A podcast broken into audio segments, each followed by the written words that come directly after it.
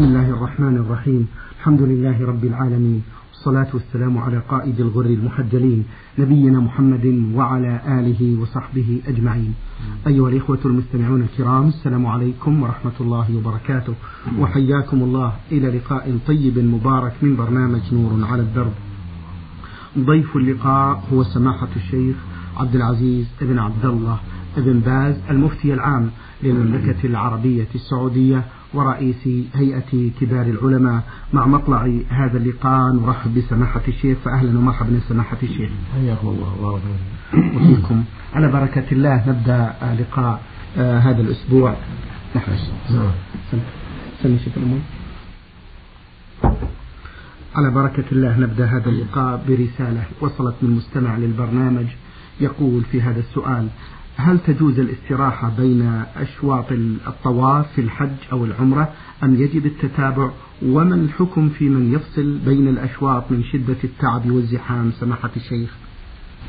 بسم الله الرحمن الرحيم. الحمد لله وصلى الله وسلم على رسول الله وعلى آله وأصحابه ومن اهتدى بهداه. أما بعد فالسنة في الطواف الموالاة. يجب أن يوالي بين الأشواط لكن الاستراحة قليلة. التي لا تضر ولا تعتبر طويلة عرفا لا لا تمنع.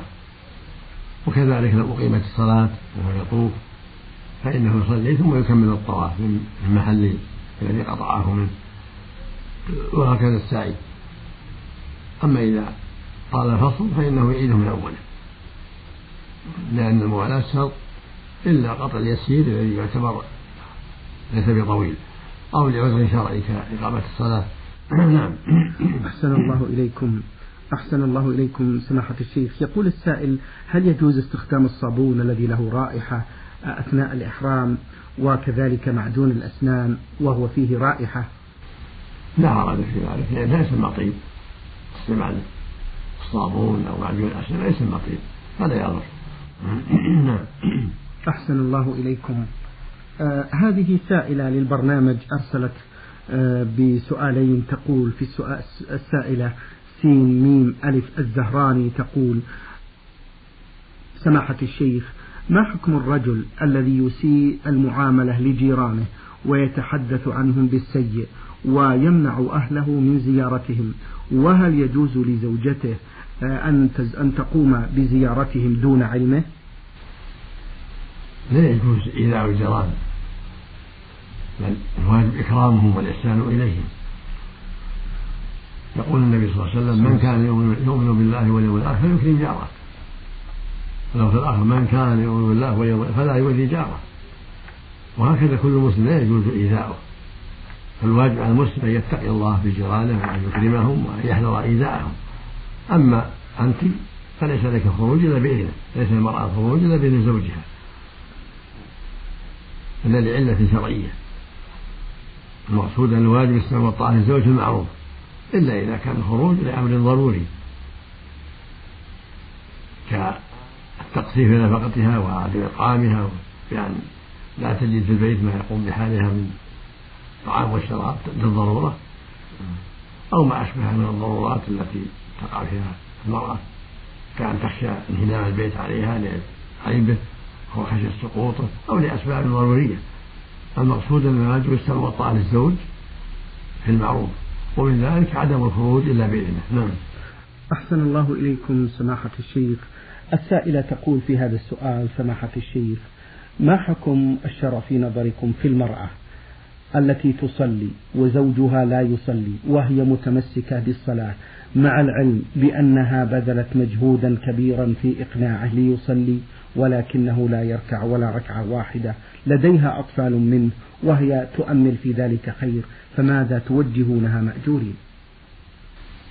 الذي لا يصلي يعتبر كافرا نسأل الله العافية هذا هو أصح قول العلماء في الموضوع. لقول النبي صلى الله عليه وسلم بين الرجل وبين الكفر والشرك الصلاة. أخرجه مسلم في الصحيح. ولقوله صلى الله عليه وسلم العهد الذي بيننا وبينهم الصلاة فمن تركها فقد كفر. فالصلاة عمود الإسلام.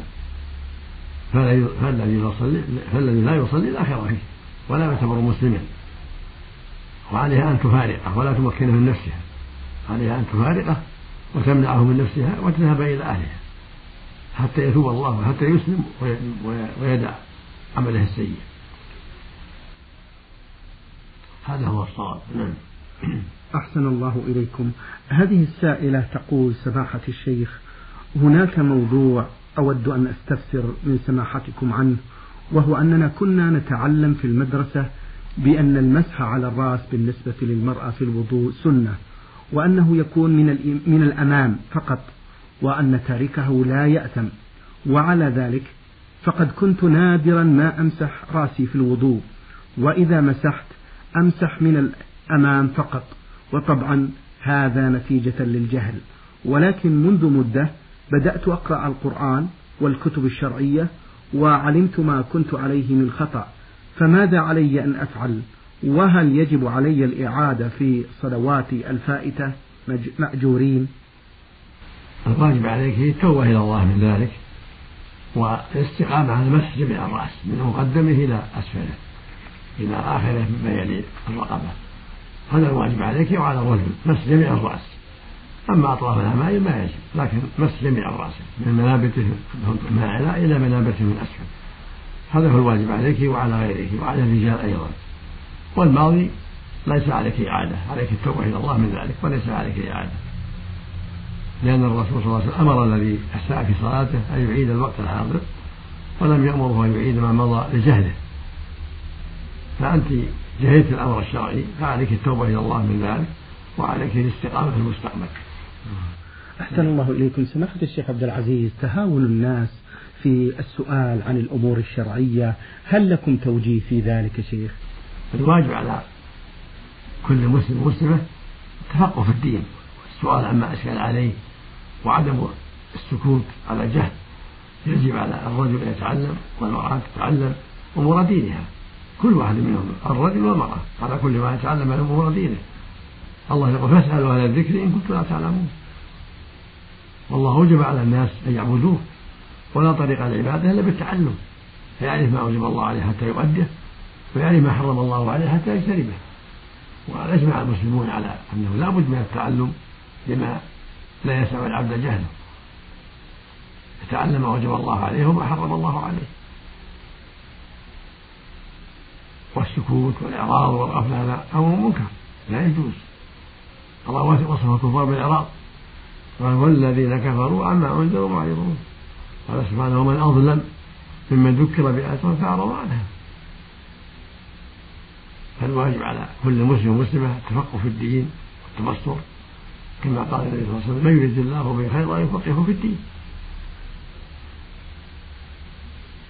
وعلى المسلم أن يسأل ولو من طريق الكتابة من طريق الهاتف. يسأل أهل العلم عما أشكل عليه. يستمع ما يذاع في إذاعة القرآن من العلم. في إذاعة القرآن فيها علم عظيم نور على الدرب.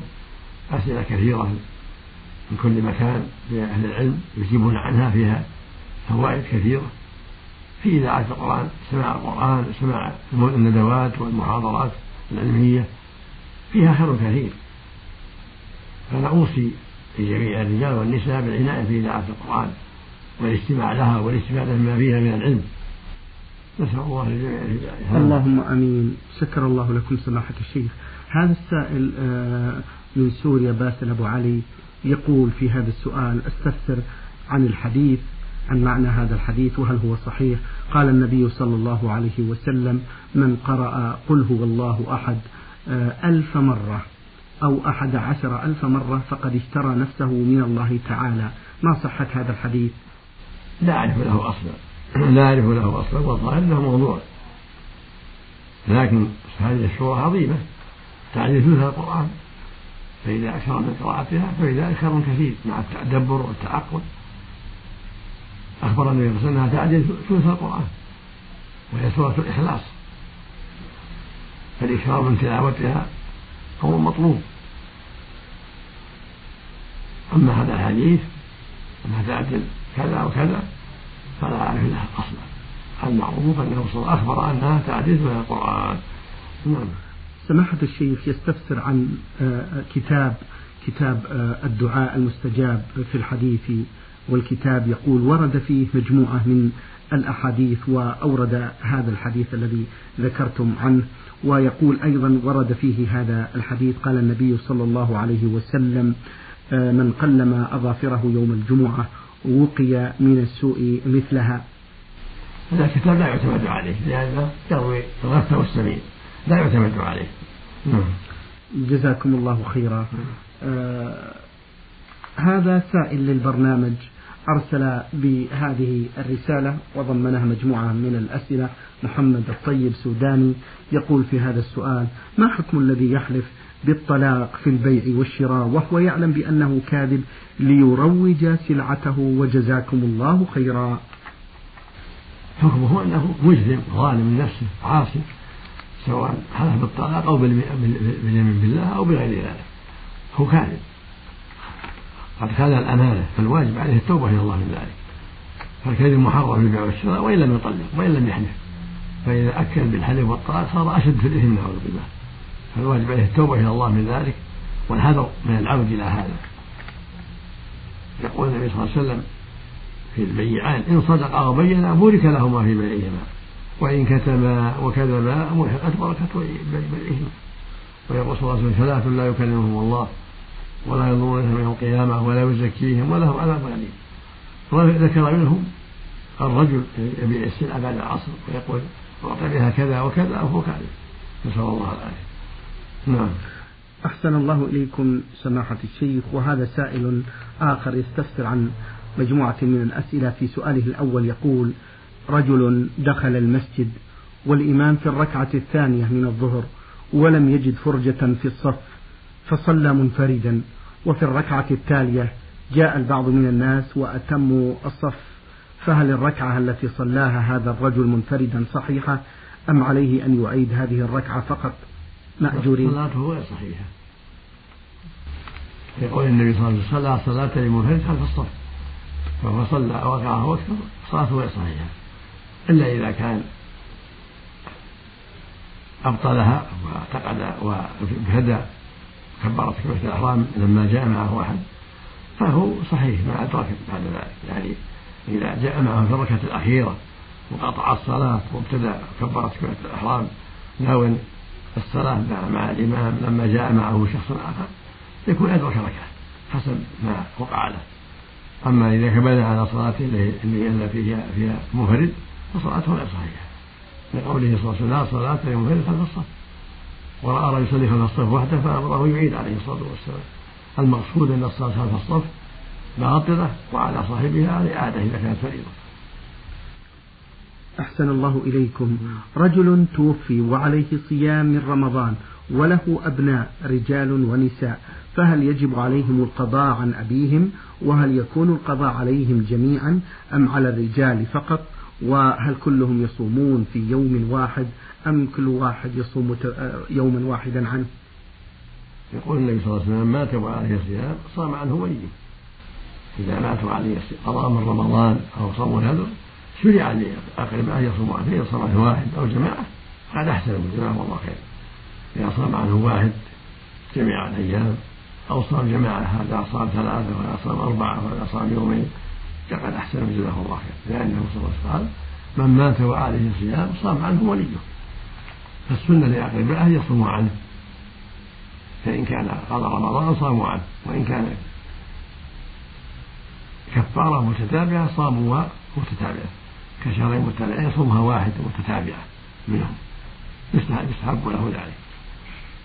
فإن كان يوم واحد صامه عنه بعض أقاربه من رمضان أو نذر المقصود أن السنة لأقاربه أن يصوموا عنه ما وجب عليه من الصيام إذا مات ولم يصوم. سواء كان من رمضان أو من الكفارات لكن إذا كانت كفارة متتابعة كفارة القتل كفارة الظهار صامها متتابعة. يصومها واحد لأن التتابع يكون واحد يوم بعد يوم متتابع. نعم. أحسن الله إليكم سماحة الشيخ. يقول هذا السائل إذا قام الإمام إلى ركعة خامسة في العشاء وعندما قام قال له المصلون سبحان الله ولكنه لم يقعد وأكمل الركعة وقام المصلون من خلفه. فما حكم هذه الركعة وما حكم عمل هذا الإمام؟ الواجب تنبيهه بالتسبيح. فإذا لم يرجع انتظروا حتى لأنه قد يعتقد صواب نفسه. فينتظرونه حتى يسلم ويسلموا معه. والذي لا يعلم أنه مخطئ يقوم معه. الذي لا يعلم الحال يقوم معه يتابع إمامه. والذي يعلم أن الإمام مخطئ يجلس. حتى يسلم مع الإمام بعدما يسلم الإمام. ومن اعتقد أنه قد أخطأ فلا ليس له القيام بل يصبر. وأما الإنسان الذي ما عنده خبر هل الإمام مصيب أم هو مصيب فإنه يتابعه لأن الأصل متابعة الإمام. حتى يسلم. نعم. أحسن الله إليكم. يقول هذا السائل محمد آه، حيدر من اليمن ما حكم قراءة المصحف من دون وضوء؟ جزاكم الله خيرا. الواجب الوضوء من أراد يقرأ من المصحف ليس له إلا أن يتوضأ. لأن الرسول صلى الله عليه وسلم نهى عن مس القرآن إلا طاهر فليس لأحد يقرأ من المصحف إلا طاهر هذا وضوء أما إذا كان يقرأ على ظهر قلب فلا بأس أن يقرأه على حدث أصغر. أما الجنوب فلا يقرأ القرآن لا من المصحف ولا عن صدره حتى يغتسل الجنوب. أما إذا كان الحدث أصغر كالريح والبول فهذا له أن يقرأ عن ظهر قلب وليس له أن يقرأ من المصحف حتى يتطهر. أحسن الله إليكم. يقول هذا السائل سماحة الشيخ نسأل عن حكم الحجاب بالنسبة للنساء, بالنسبة للنساء وماذا يجب على أولئك الذين يقولون بأن هذه تقاليد إن تقاليدنا تحرم وتعيب لبس الحجاب؟ فوجهونا في ضوء هذا السؤال. الواجب على المرأة الحجاب عن الرجل الأجنبي وليس لها أن تبدي له زينتها هذا هو الواجب. لقول الله عز وجل ولا يبدين زينتهن إلا لبعولتهن وآبائهن وآباء بعولتهن الآية. والوجه والشعر بقية بدنها من الزينة. ولقوله جل وعلا في سورة الأحزاب وإذا سألتم متاعا فاسألوهن من وراء الحجاب. ذلكم أطهر لقلوبكم وقلوبهن. وكانوا في أول الإسلام يباح المرأة أن تكشف للرجل ثم نزلت آية الحجاب ومنع النساء من الكشف. في قصة عائشة لما قال في أهل الإسماء قالوا أخبرت أن صفوان المعطل لما رآها استرجع لما رآها وحدها ليس قد مشى الجيش قد ارتفع الجيش عنها وبقيت في محلها لأن الجيش في بعض غزوات النبي صلى الله عليه وسلم ذهبت تقضي حاجتها فجاء الذين يرحلون هودجها فرحلوا هودجها يحسبونها في هودجها. فلما جاءت وقد مضى الجيش لزمت مكانها. ونامت وقالت إن الجيش انهم سيفقدونها فيرجعون. وكان صفوان معطل في آخر الجيش فلما رآها استرجع. قالت وقد فلما سمعت استرجاعه. استيقظت وخمرت وجهها. قالت وكان قد رآني قبل الحجاب فعرف أنها عائشة. رضي الله عنها. فدل على أن أن المرأة منعت بعد الحجاب بعدما نزلت الحجاب منع النساء من الكشف نعم. أحسن الله إليكم. هذه فتاة رمزت لاسمها آه، مريم ألف ألف تقول فتاة ملتزمة. تقدم لها رجل لخطبتها وهو يصلي لكنه يشرب الشيشة وهي محتارة وهي ملتزمة أيضا هل توافق على مثل ذلك أم تنتظر رجل صالح؟ الأفضل لها أن تنتظر لأن شرب الشيشة يضرها ويؤذيها. فالأفضل لها أن تنتظر لعل الله ييسر لها زوجا صالحا بعيدا من هذه المعصية. نعم. أحسن الله إليكم. يقول هذا السائل ألف ألف الرياض أقرضت رجلا مبلغا من المال وقد تأخر عنده هذا المبلغ وهو كامل النصاب فهل أقوم بتزكيته؟ إذا كان الذي عليه المال ملي متى طلبت أعطاك عليك الزكاة. أما إن كان معسرا أو مماطلا طلبته ولم يعطه مماطلا فليس عليك الزكاة لأنك غير قادر عليه. أما إذا كان مليا وليس بمواطن ولكن أنت تساهلت فإنك تزكي أما الديون على المعسرين فلا زكاة فيها حتى تقبضها. وهكذا المواطن الذي تطلب حقك ولا يعطيك فليس عليك زكاته حتى تقبض فتبتدي حوله نعم. يزكي عنه كم سنة يا شيخ؟ إذا كان مر عليه أكثر من سنة. إذا كان على مؤسر ما في زكاة. أو على مواطن لم يعطيه حقه لا, زكاة فيه. أما إذا كان ملي ولكن هو تساهل يزكي جميع السنين. جميع السنين. أحسن الله إليكم سماحة الشيخ. هذا أبو هيثم من ليبيا يقول سماحة الشيخ شخص بلغ الأربعين ولم يتزوج حيث إنه ليس له رغبة في الزواج وهو رجل يحب الخير ويؤدي الفروض بأوقاتها. هل يأثم بتركه الزواج؟ إذا كان لا شهوة له لا يأثم أما إذا كان شهوة يلزمه الزواج إذا استطاع. لقول النبي صلى الله عليه وسلم يا معشر الشباب من استطاع من الباء فليتزوج فإنه أغض للبصر وأحسن الفرج. أما إن كان ما عنده الشهوة أو عاجز ما عنده قدرة فلا ولا قوة جزاكم الله خيرا. يقول السائل نسمع عن كفارة اليمين وهل هي بالترتيب؟ ومن لم يستطع إخراج هذه الكفارة سماحة الشيخ هل تسقط عنه؟ كفارة اليمين فيها الترتيب وفيها التخيير جميعا. التخيير بين ثلاثة وهي إطعام عشرة مساكين أو كسوتهم أو تحرير هذه مخيرة. إذا حلف في يمينه إن شاء أطعم عشرة مساكين لكل مسكين نصف صاع كيلو ونصف تقريبا. أو كساهم كل واحد يعطي خميصة أو يعطيه سارا ورداء أو يعطي رقبة. هو مخير. فإن عجز عن هذه الثلاثة يصوم من القيام.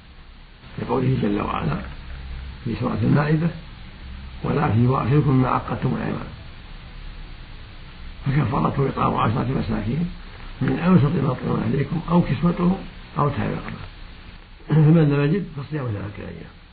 ذلك كفارة أيمانكم إذا حلفتم واحفظوا أيمانكم. تبين سبحانه أنه مخير في الثلاث. بأو فإذا عجز عنها انتقل إلى الصوم. نعم. أحسن الله إليكم سماحة الشيخ.